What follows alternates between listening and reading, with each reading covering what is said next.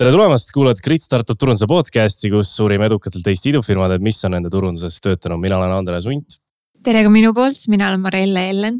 täna me räägime taas Boltist ja seda mitmel põhjusel esiteks, te olete Bolti episoodid ülihästi vastu võtnud. Äh, Liisa Ennuste saade on väga kiirelt saanud üheks meie kõige kuulatumaks saateks, äh, samamoodi varasemad Bolti saated. teiseks, äh, Bolt tõesti teeb asju maailma tasemel, neil on maailma tasemel inimesed, piisavalt suur tiim, eelarve ma tõesti usun, et neilt on nii palju õppida ja täna me keskendume Bolti äh, performance marketingile, mis on äh, Bolti turunduses suhteliselt kesksel kohal.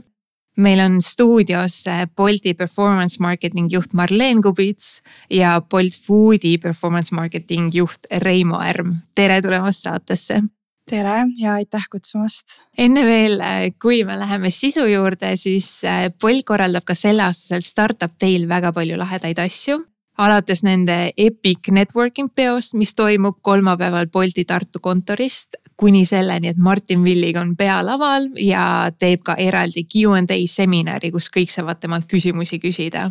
lisaks on Boltil seminar sellest, kuidas nad on B2C ettevõtte sees kasvatanud eduka B2B ettevõtte Bolt Business ja kolmapäeval ka mitmetunnine kõrvalüritus, mis on siis tootesuunitlusega ehk kes on nautinud Bolti episoode, ei tasu ka startup teil nende programmi maha magada tulles nüüd äh, performance marketingi juurde, Marleen, palun tee meile väike ülevaade, et mis te teete, mis kanalites ja kuidas teil tiim on üles ehitatud? Äh, ja meie tiim siis äh, Bolt Performance Marketing koosneb kaheteist inimesest, kes siis haldavad kogu performance turundust meie kõigil turgudel, mis tähendab Äh, nelikümmend viis riiki ja umbes viissada linna äh, ja üle kõigi vertikaalide. Äh, see tähendab, et nii ride hailing, Bolt Food kui Bolt Business, noh nende kõige all on muidugi väiksemaid vertikaale ka, aga need on siis meie selline katusvertikaalid. see kaheteistpealine tiim siis asub Tallinnas nagu ka ülejäänud Bolti keskse turunduse tiim. tegeleme siis äh, igapäevaselt põhimõtteliselt reklaamidega, performance poolega äh, siin arutasime just omakeskis, et, et jube keeruline on seda performance marketing'i eesti keelde tõlkida. et äh, ise arvame, et oleme kuskil seal äh, digiturunduse, growth marketing'i, performance marketing'i vahepeal. väga head sellist mõistet kohe ei olegi eesti keeles vastu siia pakkuda ühesõnaga tegeleme siis makstud reklaamiga digikanalites põhifookusega uute kasutajate siis kas äppi või äh, driver ja kuller platvormidele toomisega, uute toidutellimuste saamisega, uute restoranide platvormile saamisega. Äh, see on meie põhifookus aga hakkame siis kanaleid mööda minema ükshaaval, et mis teil praegu kõige olulisem kanal on või kust kõige rohkem kliente tuleb? Äh, meie kõige olulisemad digikanalid reklaamiks äh, siis äh, Facebook, Google on nad head ja hilisemad lisandujad siis TikTok ja Snapchat. teeme ka Apple Search'i, mis on küll natukene pisem, aga siiski omab rolli jah, põhiline rõhk siis äh, Facebookil ja Google'il, ähm, mis iganes vertikaali ja toote osas. aga selle Snapchati ja TikTokiga, kuidas muidu seal on, et see on sihuke, need on need kanalid, mida siin Eestis teatakse vähem, eeldatakse, et seal on siuksed kümneaastased inimesed. et mis see, mis see reaalsus on? Äh, teemegi äkki väikese ülevaate, äh, mis, kus kanalis, kuidas käib. võib-olla Facebook on siis kõigile rohkem tuttav, äh, sellele nii palju ei, äh, aega ei pühenda. aga need põnevamad kanalid siis äh, minu poolt võin natuke rääkida Tiktokist ja Snapchatist, mis nagu neil on oma maine, mis numbrite järgi ikkagi ei vasta tõele. kõik, no mitte kõik, aga suur osa siin kahekümne kuni neljakümne aastaseid inimesi, kes ei taha tunnistada, et nad neil platvormidel on, siis statistika räägib natuke midagi muud. reklaamiplatvormidena nad tehniliselt on suhteliselt sarnased Facebookiga samamoodi on seal pikslid, mida sa saad oma kodulehele seadistada, et track ida liiklust ja conversion eid. Ads manager näeb samamoodi välja, reklaamikampaania tüübid on samad kui sul turundajana on teadmised olemas, kuidas teha Facebooki reklaami, siis tehniliselt sa ei jää hätta kindlasti kummalgi neil kanalil. muidugi on sisu, sisu natukene erinev kõik oleme igast otsast kuulnud viimasel ajal, kuidas video on aina olulisem ja kui sa tahad turundada äh, sotsiaalmeedias, sul on vaja toota videosisu. Äh, absoluutselt, see kehtib siis Tiktoki ja Snapchati kohta, kus noh, kus sa ei saagi muud moodi kuidagi asjale läheneda. Snapchatil on veel olemas äh, staatilised placement'id, pigem jätaksin need vahele, läheksin videotega. aga ja kõige suurem erinevus siis sisu poole pealt ongi, et Tiktokis ja Snapchatis sa pead arvestama, et sinu sisu kuulatakse äh,, mitte ainult ei vaadata. eks need on sound on platvormid äh, võrreldes siis äh, Facebooki ja Instagramiga, kus sa võid täiesti vabalt läbi saada niimoodi, et sinu videotel ei ole läbimõeldud äh, heli ja ei ole voice over'it. Äh, see siis jällegi on väga oluline Tiktokis ja Snapchatis muidugi on seal erinevad trendid, mis liiguvad, aga ma arvan, et asi, mis alati toimib, on, kui sa või mitte sina, võib-olla mõni äh, inimene, kelle sa oled selleks leidnud, äh, räägib kaamerasse, jagab enda kogemust äh, sinu tootest, teenusest, näitab, kuidas see toimib, kuidas see lahendab igapäevaseid probleeme jah, lihtsalt rääkida, et näiteks jube tore on olla Bolti juht või et jube hea on minna hommikul taksoga tööle siis selle asemel näidata, võta see äpp telefonis kätte, näita seda kaamerasse. tõesti käibki kahe klikiga, tõesti tulebki auto nii kiiresti, et selline vahetu, aus äh, sisu äh, samuti, mis on erinev mm, võrreldes Facebooki ja Instagramiga et Tiktokis on see sweet spot reklaami pikkuseks on kakskümmend, kolmkümmend sekundit. ehk siis sul on seal natukene aega toimetada, et äh, Facebooki ja Instagrami soovitus on seal viieteist sekundi ümber või noh, et maksimum viisteist sekundit nii et see on ka erinevus. selline video, sa ei saa nagu sama sisu kasutada, et sa pead nagu ikkagi eraldi või saab nii, et lõikad mina ära?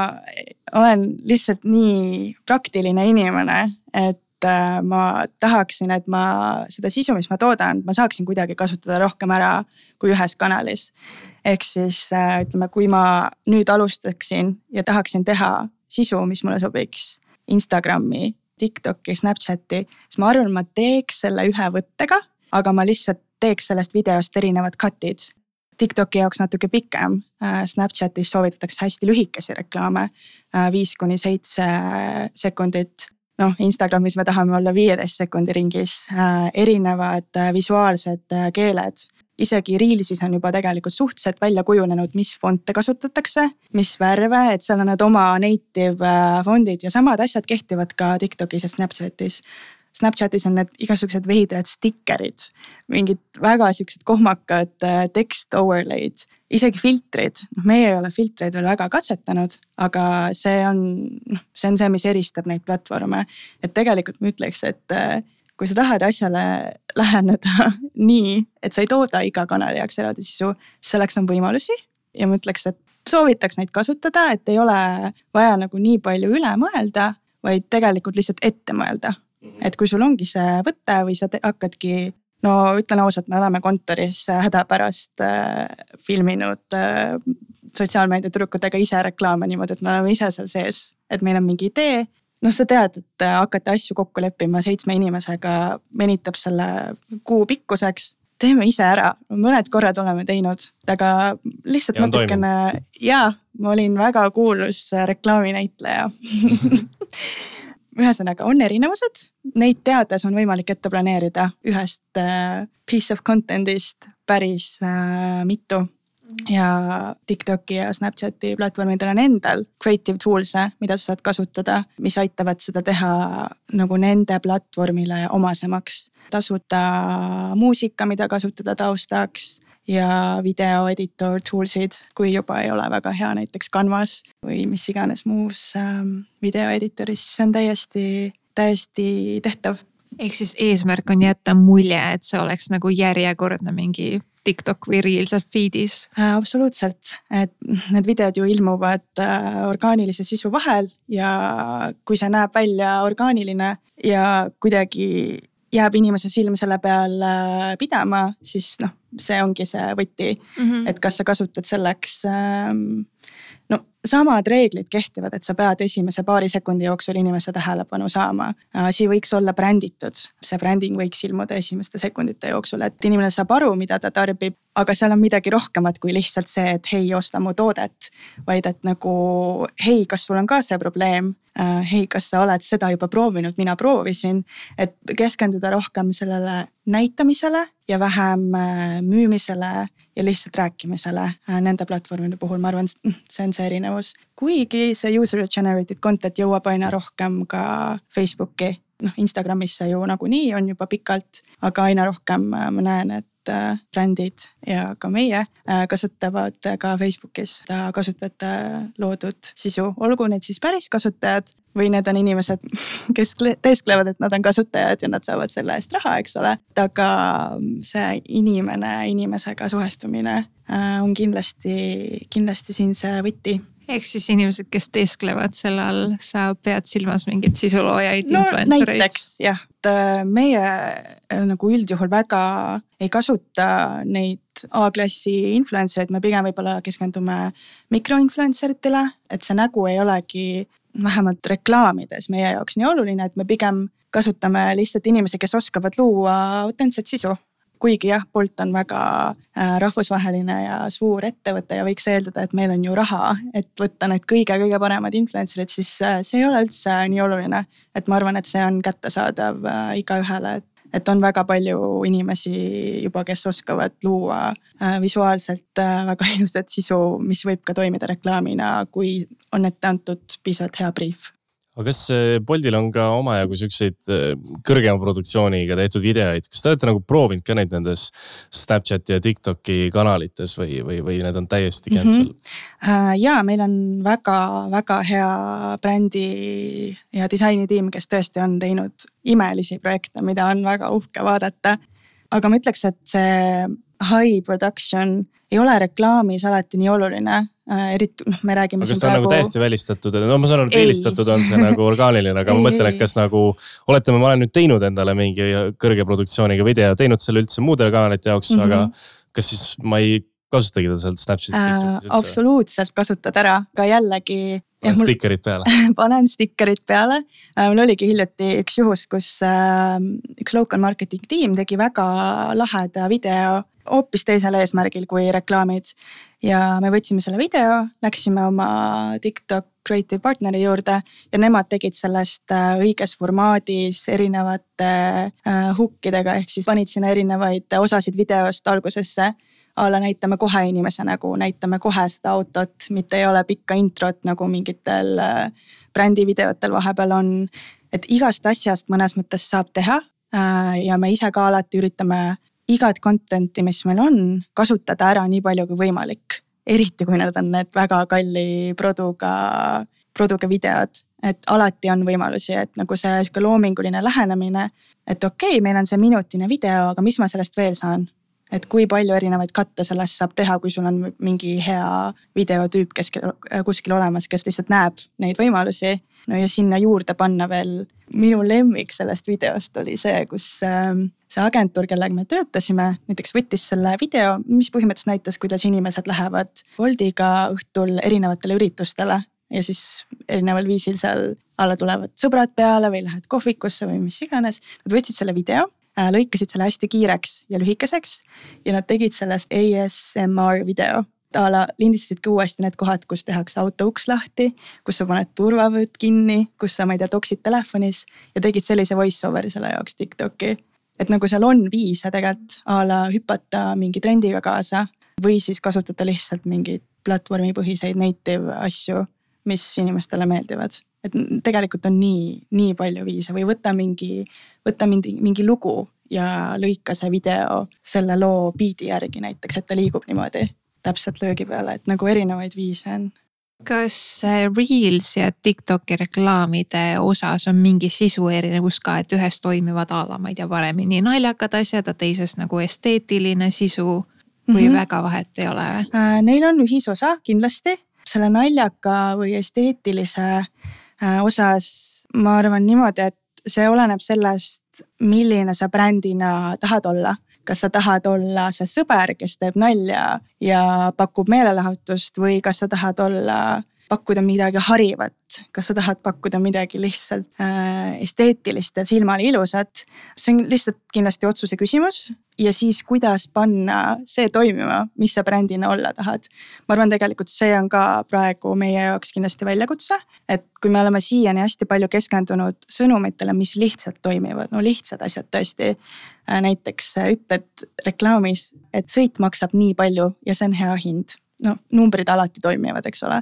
Või et äh, driverite puhul sõida Boltiga ja teeni X eurot kuus. Noh, mõnes mõttes, miks mitte tehagi asju, mis lihtsalt toimivad.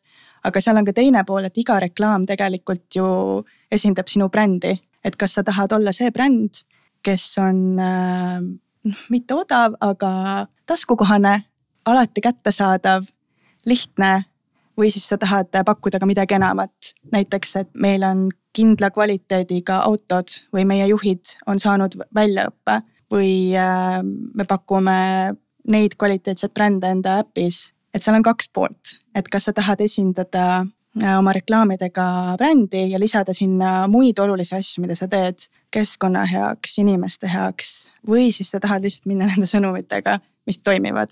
et meie oleme praegu kuskil seal, et me üritame aru saada kus tasakaal on. noh, Bolt on juba nii välja kujunenud äh, bränd, mida inimesed teavad, et ma arvan, et meil on aeg lihtsalt liikuda ära natuke selle lihtsa lahenduse juurest, kus sa näitad lihtsalt numbreid äh,. aga ei keskendu sellele, mis on sinu nagu see suurem missioon, et tehagi linnad rohelisemaks, pakkuda inimestele alternatiive et see otsus on kuskil seal vahepeal ja ma arvan, et äh, meie ja kindlasti paljud teised brändid ka tahavad leida lihtsalt seda keskteed. et me saame oma reklaamidele või oma digiturundusel mingit rahuldava tulemuse, aga samas esindame ka hästi oma brändi.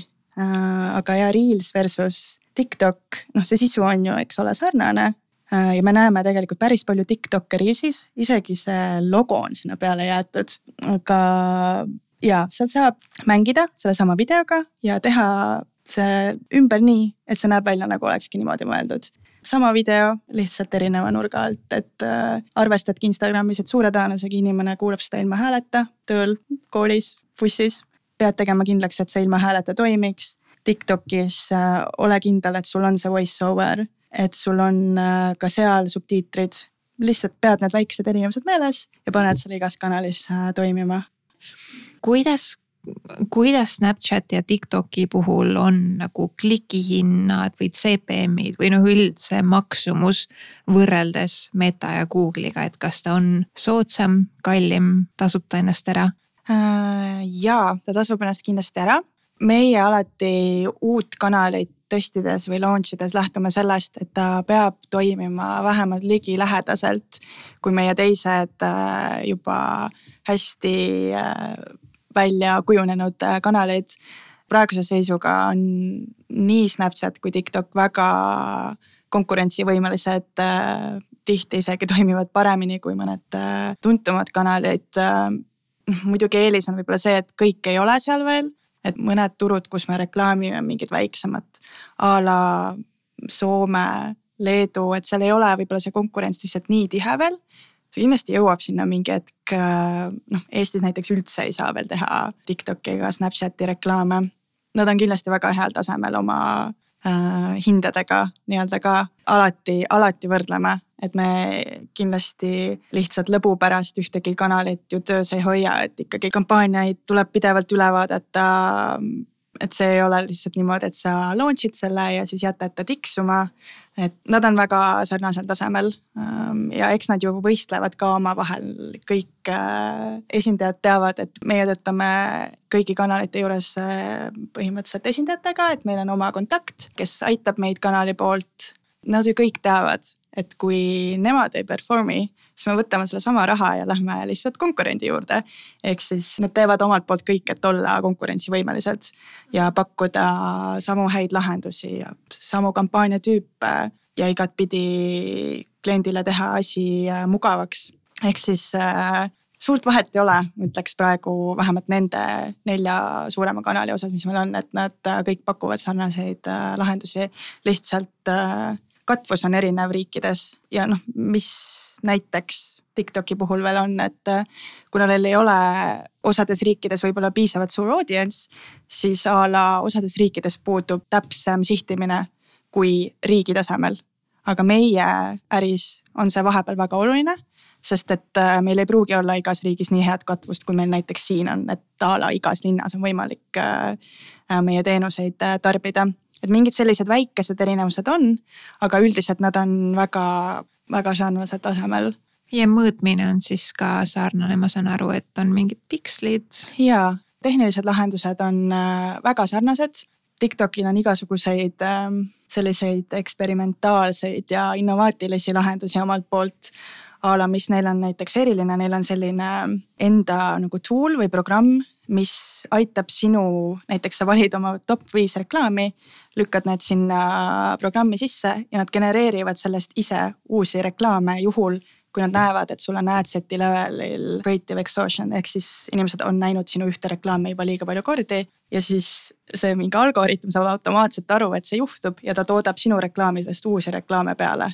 see võib kukkuda väga naljakalt välja noh, sa saad nagu preview da mingit versioone sellest, aga noh, näiteks oligi, meil oli mingi suhteliselt tõsine reklaam, kus on auto ja inimene ja siis see automaatne programm oli sellest tootnud sellise reklaami, kus hõljusid südamed peal aga see võib toimida ka väga hästi, noh, sul on üks mure vähem, et a la, kas mul on piisavalt sööta ette visuaale, et see machine learning saaks äh, õppida. aga nemad on näiteks pakkunud, aa väga hea, vajuta seda nuppu, pane oma viis parimat reklaami ja vaatame, mis saab. on viise.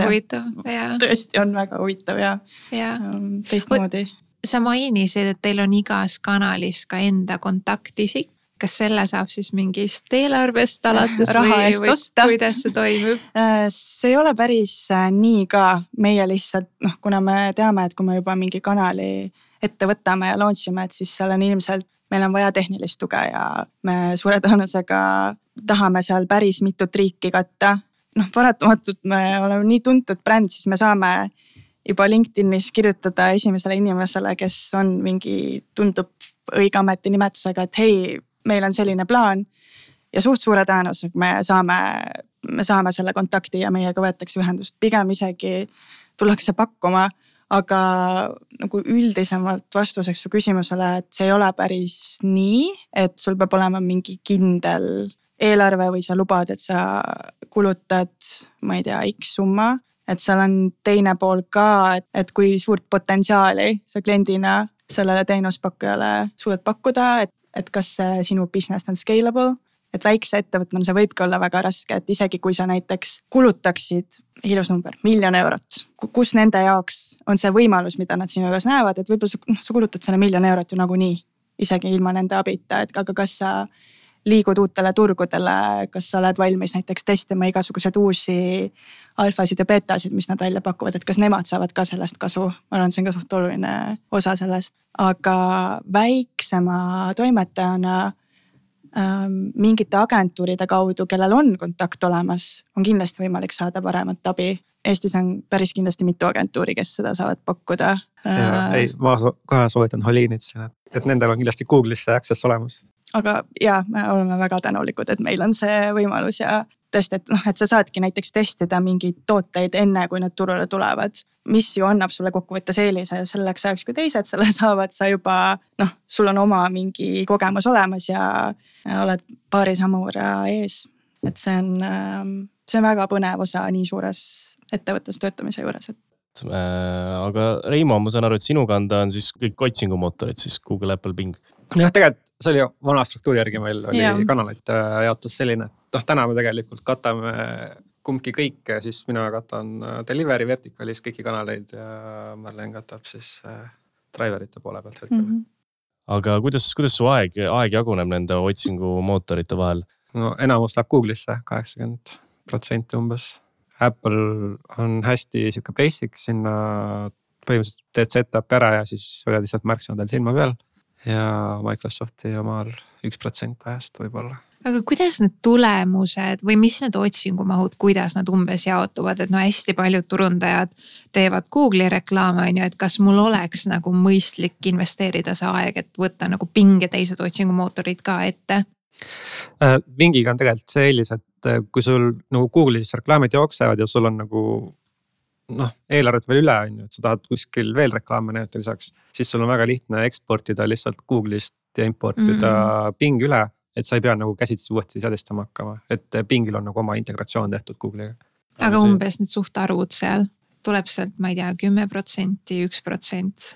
Ja üks kuni kümme tuleb võib-olla Bingist, et äh, sõltub riigist ka, et äh, UK-s Bing on suurem kui näiteks äh, Eestis on.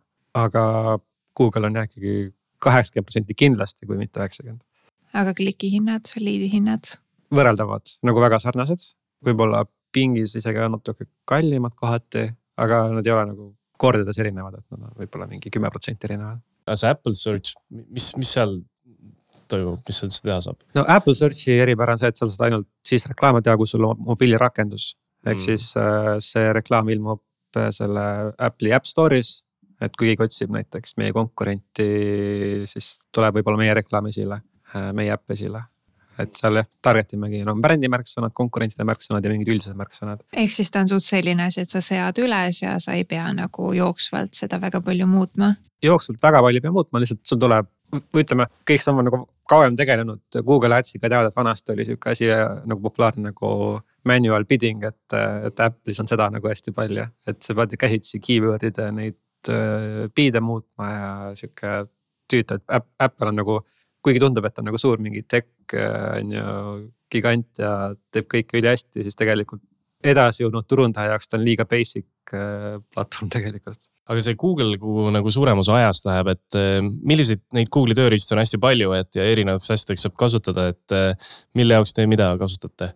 me kasutame kõiki, Google Search'i, Youtube'i Performance Maxi, me oleme teinud display'd, vanasti olid veel mingid Gmaili kampaaniad eraldi. et me oleme nagu kõik asjad oleme läbi proovinud, mida saab proovida, aga põhilised, mille peale me pidama oleme jäänud, ongi search, Youtube ja Performance Max ah,. Ma unustasin ühe ära, äpi kampaaniad on. -hmm. see on põhiasi muidugi. aga kas seal on sul mingeid, mingeid hästi töötavaid mingeid mudeleid selles osas, et, et näiteks retargeting'i värk, et. kas on nii, et te mingi kanaliga saate seda uut audience'i siis retarget ite mingite muude asjadega Google'ist? jaa. mis see loogika? no põhimõtteliselt meie nagu kogu see strateegia nagu, nagu kahe, kahes osas, et üks on nagu see new user acquisition ja teine on siis nagu re-engagement. On ju, et, et uusi kliente me otsime nii search'i kui performance max'i kui äpi kampaaniatega mm. -hmm. ja võib-olla seda re-engagement'i me rohkem teeme nagu Youtube'is, aga, aga re-engagement saab teha ka Google'is äh, nende äpp campaign for engagement'iga, et seal on nagu sihuke eraldi kampaania tüüp äppidele, kus saad siis nagu retarget ida aga kas Youtube siis uue nagu kasutaja hankimiseks ei ole teie hinnangul nii palju nii hästi toiminud? ta on alati kallim olnud, kui on näiteks performance max'id või äpp kampaaniad. Et pigem Youtube on hea mingi brändisõnumite edastamiseks ja siukse võib-olla jah kuvandi loomiseks. Aga kas on ka mingit seda retargeting'i poolt või kas on mingi koostöö teiste kanalitega, ma ei tea, te võtate Metast mingi listi ja siis panete selle kuidagi Google'isse siis või vastupidi või kas, kui palju need kanalid nagu omavahel, kui te, palju te neid nagu kuidagi integreerite turunduses? meie väga vist niimoodi ei tee seda asja, et meil pigem on oma andmebaasid, kus me võtamegi nagu user data välja ja siis me impordime ka siis Facebooki, Google'isse, kui iganes vaja on räägime e-, eksperimentidest, äh, sest ma saan aru, et see on ka üks, üks nagu osa teil, et, et mis on, mis on teil sihuke raamistik äh, ideede testimiseks? Äh, ma arvan, et enamik siuksed testid tulevad pigem vajadusest. muidugi me hoiame alati silma peal ka, mis üldiselt toimub reklaamimaailmas ja mis on trendid ja, ja ka seda insight'i, et kuhu näiteks meie valdkonna ettevõtted liiguvad oma digiturundusega. noh, me absoluutselt eh, hea meelega kasutame seda võimalust ära, et meil on kontaktid, kes meile seda saavad jagada. pluss äh, väga väärtuslik eh, sisend tuleb local marketing inimestelt, kes näevad kõige paremini, mis nende turgudel parasjagu toimub ja võib-olla hoiavad rohkem ka konkurentidel silma peal, mis, millele, mis parasjagu fookus on aga kuidas te prioritiseerite neid, kui neid lõpuks tekib igalt poolt tuleb sisse? eks ole, et äh, igaüks ju alati arvab, et tema mõte ja idee on kõige väärtuslikum. aga me oleme väga lihtsa lähenemise võtnud, et äh, me eelistame alati neid asju või neid teste ja ideid, äh, mida me saame scale ida võimalikult paljudesse riikidesse ehk siis me need kohalikud asjad võib-olla oleme natuke käest ära andnud. noh, absoluutselt ma olen nõus, et äh, a la Eestis peaks tegema reklaami CV keskuses, kui sa pakud inimestele tööd. aga kas see on asi, mis, millega peaks tegelema global marketing tiim? ilmselt mitte, et ka selle osa me oleme andnud ära siis local marketing'i kätte ja me ise helistame asju, mida me saaksime võimalikult palju scale ida. ehk siis skaleeritavus on üks. väga-väga oluline ja. mis, mis seal veel on? Kui rääkida siis, et näiteks kuidas valida reklaamikanaleid, mida testida, siis on kindlasti seal väga oluline ka see tehniline pool, et kui lihtsasti ja kas üldse on äh, ülesseatav äh, conversion tracking, et meie tiim põhimõtteliselt ei tegele kanalitega, kus saab osta ainult reach'i või et sa ostadki reklaami näitamisi, aga mis sealt edasi saab, keegi ei tea, et need kaks asja ongi kõige olulisemad. et kas see on scalable ja kas tehnilise poole pealt on äh, meie vajadustele kõik vastav ja kas see suudab konkureerida teiste kanalitega, mis meil on, et need on kõige olulisemad asjad, aga kui sa mõtled äh, nagu mingeid A-B teste äh,, ma ei tea, creative'id või kampaaniatüübid, siis me absoluutselt äh, teeme neid ka äh,. aga nende business value võib-olla on natukene väiksem kui see, et kas sa testid uut kanalit või kas sa testid mingit täiesti uut äh, reklaamitüüpi või mingit uut beetat, et kas te saate mingeid näiteid tuua oma eksperimentidest, et mõni, mis on nagu väga hästi õnnestunud või mõni, mis ei ole nii väga õnnestunud? Reimo mingi ei. ma tean, mis Reimo rääkida tahab mina tahan rääkida inkrementaalsusest. Äh, et meil on nagu väga sihuke massidele suunatud äh, toode on ju, teenus. et näitame reklaami, vahet ei ole, keda me target ime on ju, keegi ikka ostab. aga siin tekibki nagu probleemiks äh, nagu probleem et, et kui me teame, et inimesed nagunii ostavad, siis kas neil on mõtet üldse seda reklaami näidata. on ju, ühest küljest, kui me reklaami näitame, payback'id on head, on ju, kõik on meiega hästi rahul, on ju, teisest küljest oleks see raha võinud kokku hoida, on ju. ja siis ongi vaja nagu testima hakata seda, et kellele me peaksime reklaami näitama, kes muidu tõesti ei ostaks.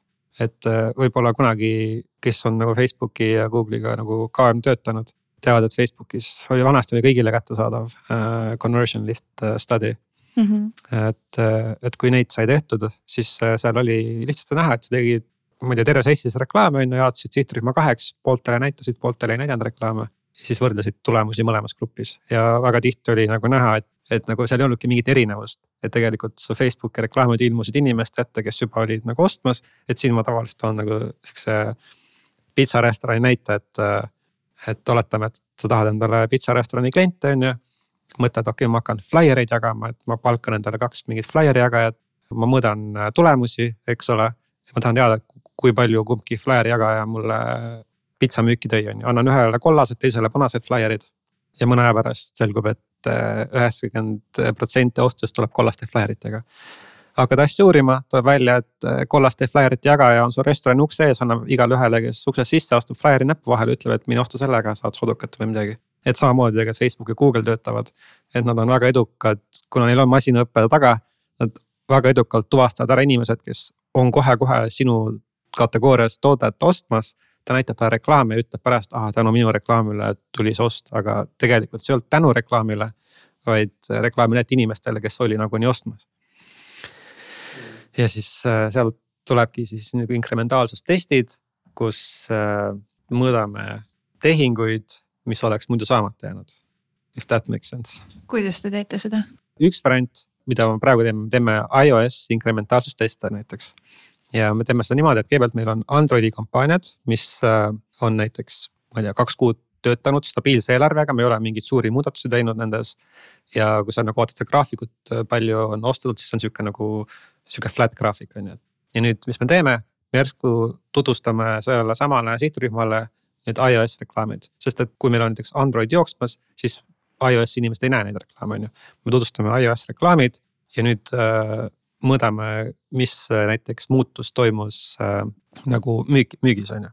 ja see Androidi kampaania äh,, selle põhjal me ennustame nagu tulevikku. et meil on nagu viimast kahe kuu data, me ennustame, mis nüüd järgmise kahe kuu jooksul juhtub. me eeldame, et nagu midagi väga ei muutu. iOS-iga samamoodi, aga nüüd, kui me iOS-i tutvustame me näeme, mis oli iOS-i nagu muutus võrreldes siis sellega, mis me ennustasime, mis oleks juhtunud, kui seda muutust poleks toimunud ja Android on nagu kontrollgrupp. et kui me näeme, et mingi põhjusega Android kasvas, siis me teame näiteks, et äh, selle taga võis olla mingisugune muu tegur, mis ei olnud nagu meiega seotud, näiteks mingi. ma ei tea, mingi üritus toimus ja hästi paljud inimesed tulid järsku taksoga sinna või midagi sellist, et. Äh, ja selle juures veel on hästi oluline, et, et need lisa ostud või conversion, mida me saame, et need ei tuleks lihtsalt, et me ei varastaks neid nii-öelda orgaanilisest. et sa võid ju rohkem investeerida raha, aga kas sa tegelikult lihtsalt ostad ära raha eest need conversion'id, mis oleks orgaaniliselt nagunii toimunud. ma arvan, see on ka üks meie suurimaid väljakutseid praegu üldse, kuidas, äh, kuidas mõõta, kuidas planeerida budget eid sellisele tasemele, et sa oled selles nii-öelda õiges kohas, kus sa saad kõik kätte, mis raha eest on võimalik. aga sa lihtsalt ei maksa peale, et inimene tõesti, kes on sul pitsarestorani ukse ees, et ta nagunii tuleb uksest sisse, aga ma maksan talle veel raha ka, et ta tuleks. et äh, kindlasti meie kõige suurem väljakutse praegu võib-olla üks asi, mida nagu väga paljud võib-olla turundajad teavad, on creative AB testing või midagi sellist yeah.. mida ma tegelikult väga ei soovita teha, sellepärast et AB testiga sa saad teada, kuidas iga reklaam individuaalselt töötab.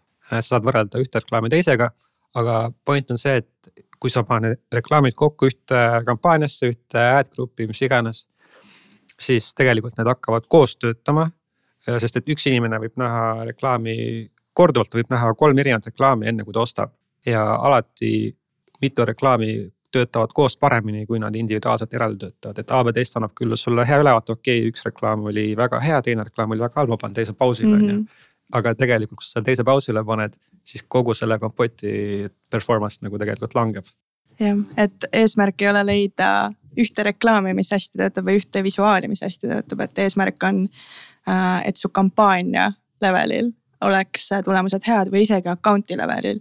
et äh, ma ise, ma ise ka äh, alati, kui sa räägid kuskil äh, digiturunduses, siis on see, et oo oh,, et mitut testi te korraga teete või et noh, et kui palju te siis testite, et te kindlasti noh, teil on nii suur eelarve, et te kindlasti teete hästi palju teste ja nagu ausalt öeldes äh, ma ei ole suur A-B testide fänn, et täpselt nagu Reimo ütles, et äh, ma ise ka ei näe väärtust selles, et ma saan teada, ütleme, et minu disainer või disainitiim teeb mulle kolm uut visuaali. Et mida ma teen selle teadmisega, milline neist kolmest omavahel võisteldes kõige paremini nagu toimis. et mina eelistan seda, et ma lisan need oma kampaaniatesse või adset idesse ja vaatan, mis adset'i levelil muutub või et mis kampaania levelil muutub, sest et äh, noh, tõesti, me, me oleme teinud seda A-B testimist. noh, alati, kui sa töötad mingite mm, partneriteks, nad eelistavad, et sa teed sellise nagu puhtal kujul A-B testi, et nemad saavad teadmised, milline nende loodud äh, näiteks videotest kõige paremini töötas Äh, me oleme seda teinud äh, ja tulemus on see, et sa testid neid eraldi äh, keskkonnas või noh, lood selle testi keskkonna, sa saad sealt võitja ja sa pärast lisad selle võite enda kampaaniasse ehk siis selle video või staatilise visuaali. ja kampaanias see näiteks ei toimi. Sa said lihtsalt teada, milline neist kolmest visuaalist oli parim tol hetkel. aga see ei tähenda, et ta sinu teiste reklaamidega suudaks nii-öelda võistelda või tuua sulle kampaania tasemel või account'i tasemel mingit äh, väärtust.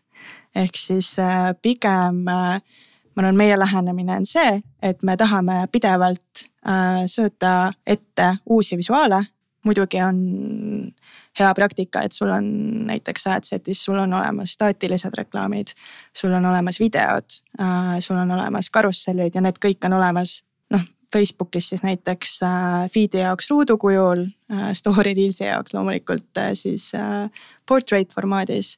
et aga, et kui sul on need erinevad asjad olemas, siis regulaarselt sinna adset'i juurde sööta uusi versioone ja panna need, mis halvemini on toiminud lihtsalt pausile, et teha ruumi uutele.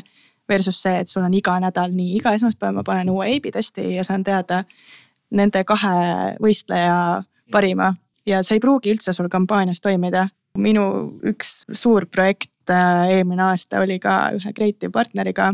me tegime väga pika mitme nagu osalise testi, et saada teada lõpuks, et need reklaamid, mis me koos tegime lõpuks, kui ma need sinna kampaaniatesse panin pärast seda, kui me olime need kümnesse keelde tõlkinud äh,, super palju effort'it pannud, siis kampaaniates nad lihtsalt kadusid kuskile ära.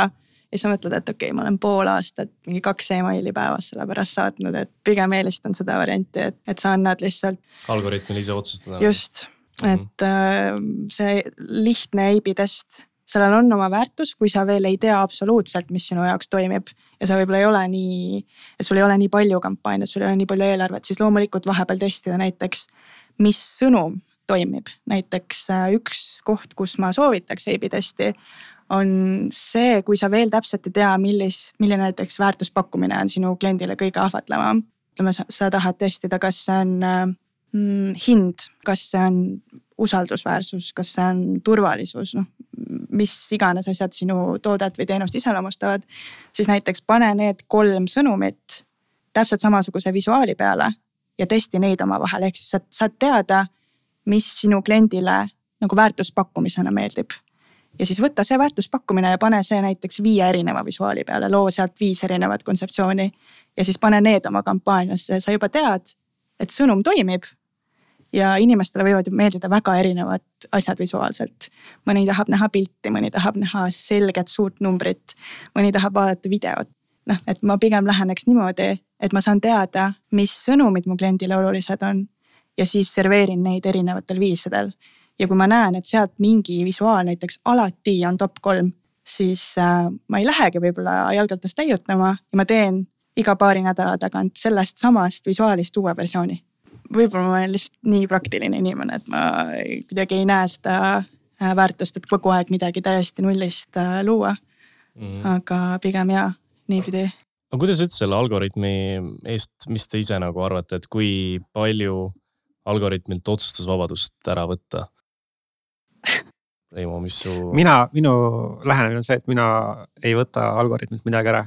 et mina annan talle vabad käed alati et ma ei piira teda mitte mingite sihtrühmadega, ma ei piira teda mingite nende, ma ei tea, placement idega yeah,, vaid yeah.. Äh, aga, aga see kõik, seal on nagu üks, üks aga juures tegelikult. et, et sa võid seda ainult siis teha, kui sa optimeerid nagu conversion'ile, mingile action'ile. et kui sa lähed lihtsalt Just. mingi impression'it või reach'i püüdma, siis sa lihtsalt pead ise seda käsitsi nagu piirama hakkama, aga kui sa lähed nagu tehingule optimeerima, siis see masinõpe leiab sul ise selle õige kliendi üles mm -hmm. kogu aeg jah, et kõik tagatuba peab olema korda tehtud. enne kui saad äh, niimoodi läheneda. Tracking on nagu jah vundament, et sellest, kui seda ei ole, siis see maja ei püsi koos aga teil on kampaaniad optimeeritud siis kuidagi revenue'le või noh, ma eeldan, et see ei ole lihtsalt äpp install'ile. sest muidu sa võid ju saada nagu odavaid äpp install'e kuskilt Indiast. no meil on, eesmärk on new user acquisition ehk siis uut klienti püüame ehk siis uus maksev kasutaja. ja, ja me nagu event'ide poolest näiteks, kui räägime Bolt Foodist ongi, et nagu first order delivered on nagu see event. et äh, me alustame jah, me näitame reklaami, ta peab installima äppi, ta peab registreerima kasutajaks, peab enda krediitkaardi sihestama. ta peab sinna ostukorvi lisama, ta peab ära tellima, et nagu tegelikult pikk protsess ja alles siis, kui su toode kohale jõuab, siis me saame event'i first purchase või first order complete. ja saadame selle info tagasi nüüd algoritmidele ja need omakorda hakkavad otsima meile veel uusi kliente nagu mingite parameetrite põhjal mm -hmm.. jah, see on see, mille põhjal me hindame, kuidas kampaaniad toimuvad, aga see ei tähenda otseselt, et me optimeeriks kampaaniat veel äh, alati sellele nagu lõpp, lõpp, lõpp, lõppeesmärgile.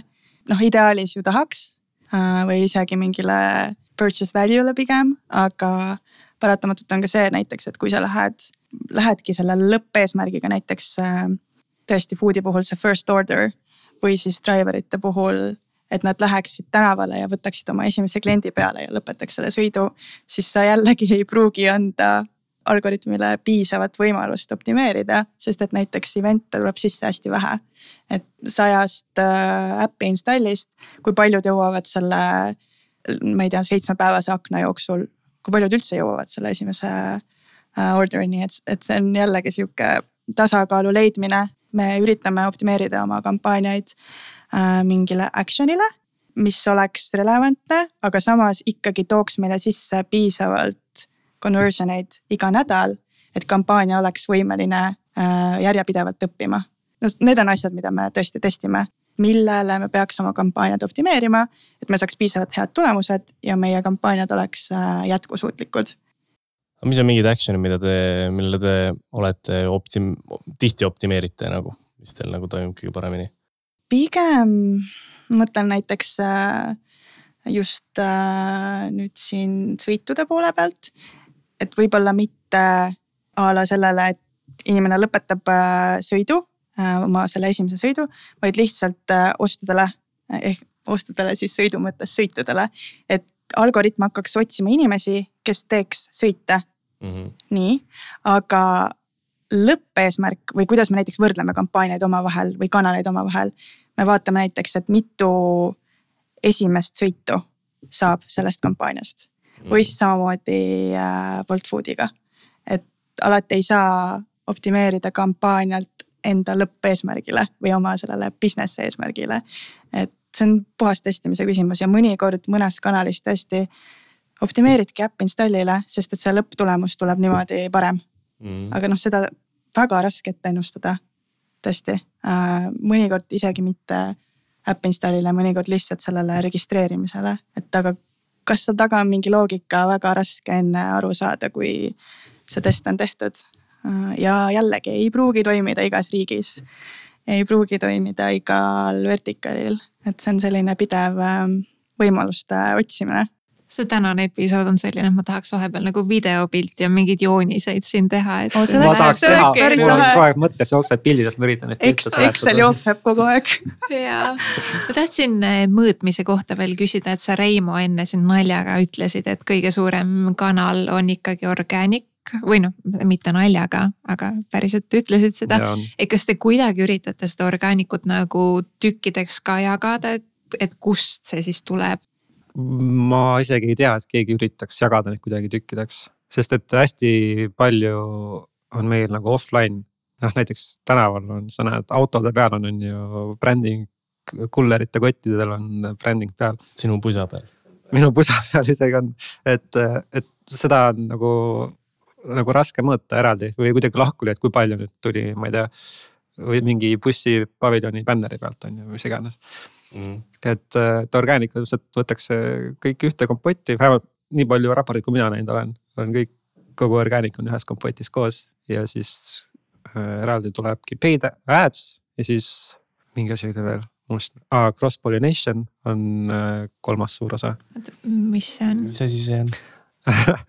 põhimõtteliselt eh, noh, kuna Bolt, Boltil on nagu palju tooteid, on meil nagu suur sihuke ecosystem.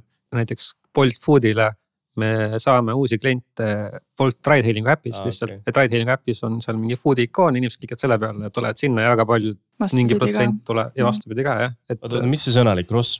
Cross pollination. Pollination ma ei tea, see on minu jaoks igapäevane, et üldse ei mõtle selle peale, et võib-olla iga mm, -hmm. igaüks ei kindlasti kasuta seda terminit hästi nojah, selliste orgaaniliste asjade puhul nagu mingid äh, bussipeatuste brändimised ja asjad, no vist väga suurt muud varianti ei olegi, kui lihtsalt mõõta enne ja pärast.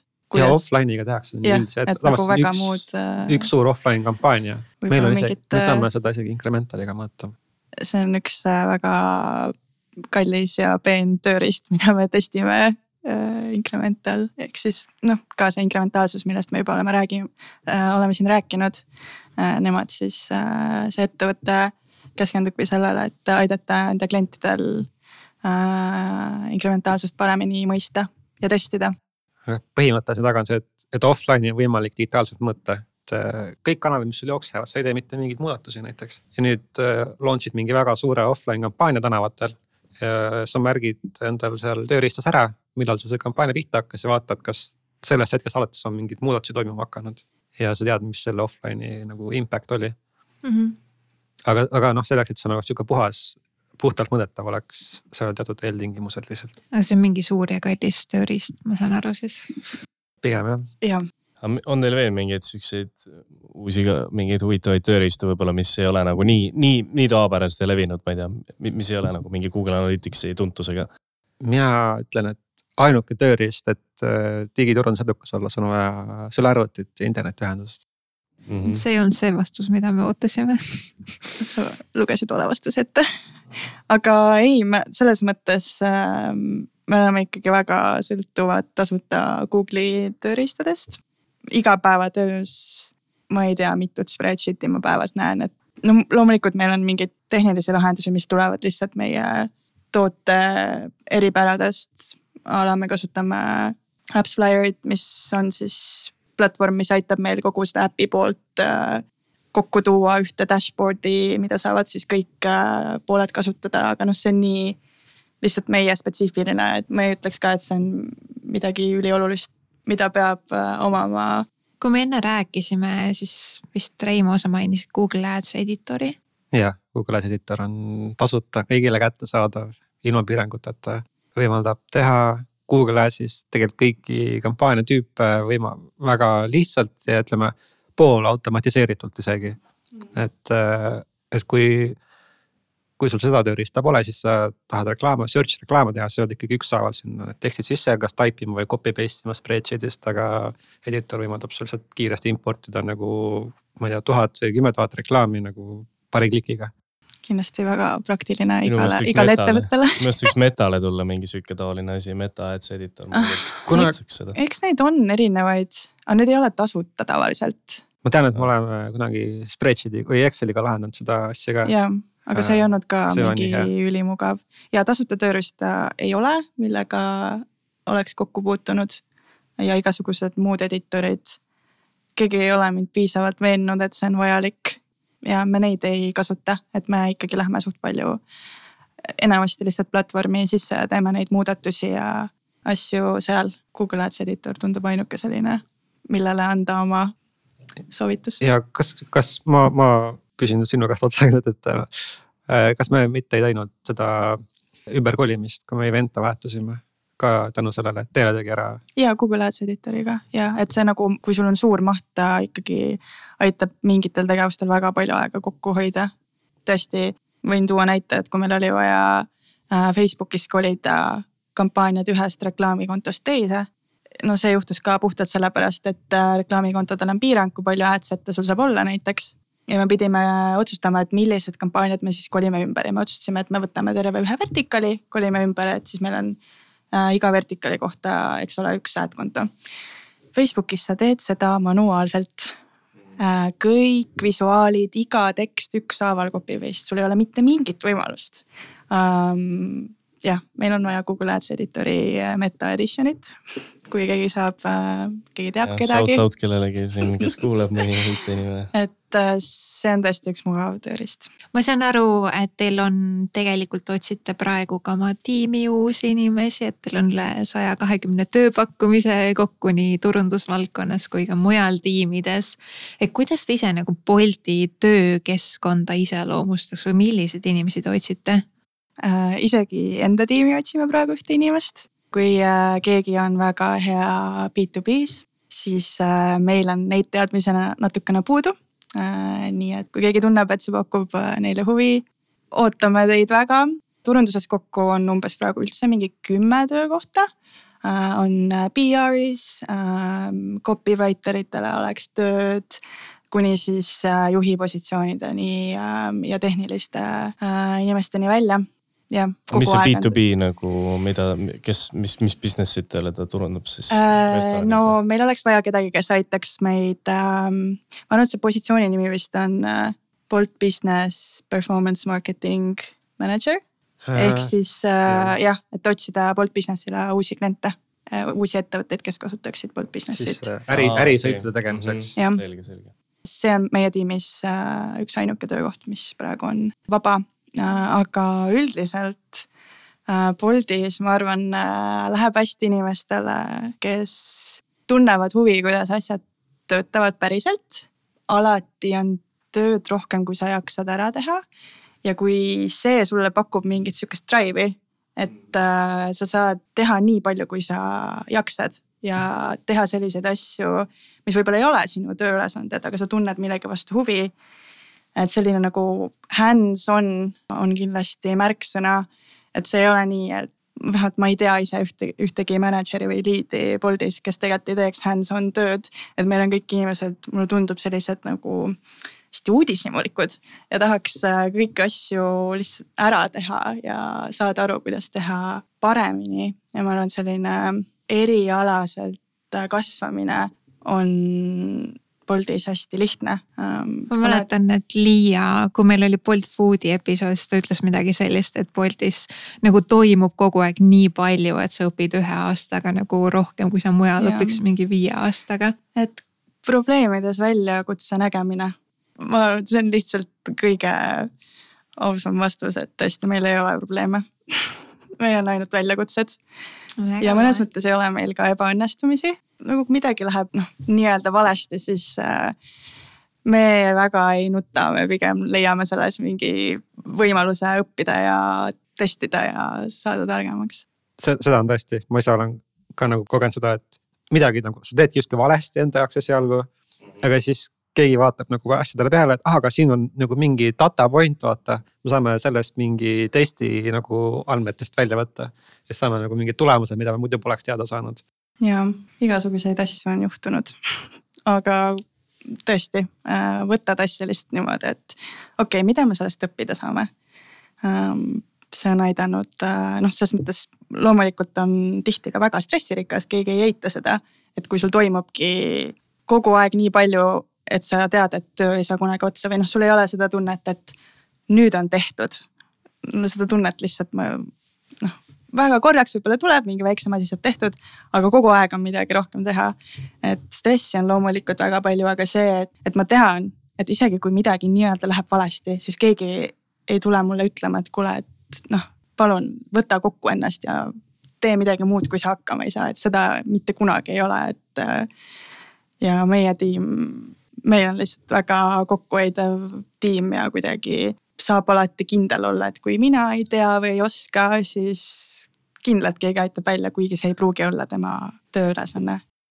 eks ma saan aru, et Bolti kodulehel on careers bolt. jah, careers punkt bolt punkt eu, jaa. kõik info uh, olemas. ja tulge ja eelistada, tulge meie tiimi aga olemegi jõudnud meie traditsioonilise lõpuküsimuseni. palun teilt mõlemalt äh, ühe erialase raamatu, blogi või podcast'i soovituse. Erialase hmm.? ei. jah, võiks olla ideaalselt okay ma oleks muidu soovitanud äh, diskreetse matemaatika õpikut see on väga erialane Äh, see... ta ei ole võib-olla otseselt turundusalane, aga ma ütlen, et äh, üllatavalt kasulik õpik ja minu töös ma olen seda raamatut kõige rohkem enda raamaturiiulilt kätte võtnud ja nagu mingeid asju vaadanud ja tuleb väga kasuks. see on väga uus, uus teist tüüpi soovitus, väga hea. Väga lahe mm. -hmm. ja mina võib-olla läheksin seekord podcast'i teed, selline podcast nagu The Overthinkers, mida siis peavad kaks turundusstrateegi, kes peavad ennast ka suurteks ülemõtlejateks ja siis nemad arutavad äh, teemadel alates mingid väga suured äh, strateegilised küsimused kuni pisikesed igapäevased mingid turundusväljakutsed. Äh, väga tore kuulamine. Kuigi sa ise ütlesid jah, et teil on nagu mõte see, et mitte ei mõtle üle, vaid mõtled ette. ja, aga nad kuidagi lahendavadki seda huumoriga ka, et nad teavad, et nad mõtlevad üle ja ja nad teavad, et seal on kuskil veel neid inimesi, kes seda teevad. väga hea. Aga hästi, väga super, väga põnev episood oli, ma arvan, et siit sai nii sihukest üldist inspiratsiooni kui ka väga palju nagu tehnilisi ja väga spetsiifilisi teadmisi ka, mida, mida rakendada, minul juba sõrmed sügelevad äh,. aitäh, Marleen ja Reimo, aitäh, et saite tulla ja aitäh sina, kes sa teisel pool kuulasid ja ma loodan, et sa said ka kasulikke mõtteid. kui see episood sulle meeldis, siis jaga seda palun oma Instagram story's või LinkedInis. ja kui sa kuulad meid Spotify's, Google'i või Apple podcast'is, siis vajuta kindlasti subscribe nuppu, et sa kuuleksid esimesena, kuhu startup turundus liigub. kuuleme järgmises osas, kus siin on järgmine huvitav startup turundaja. olge tublid ja edukat turundamist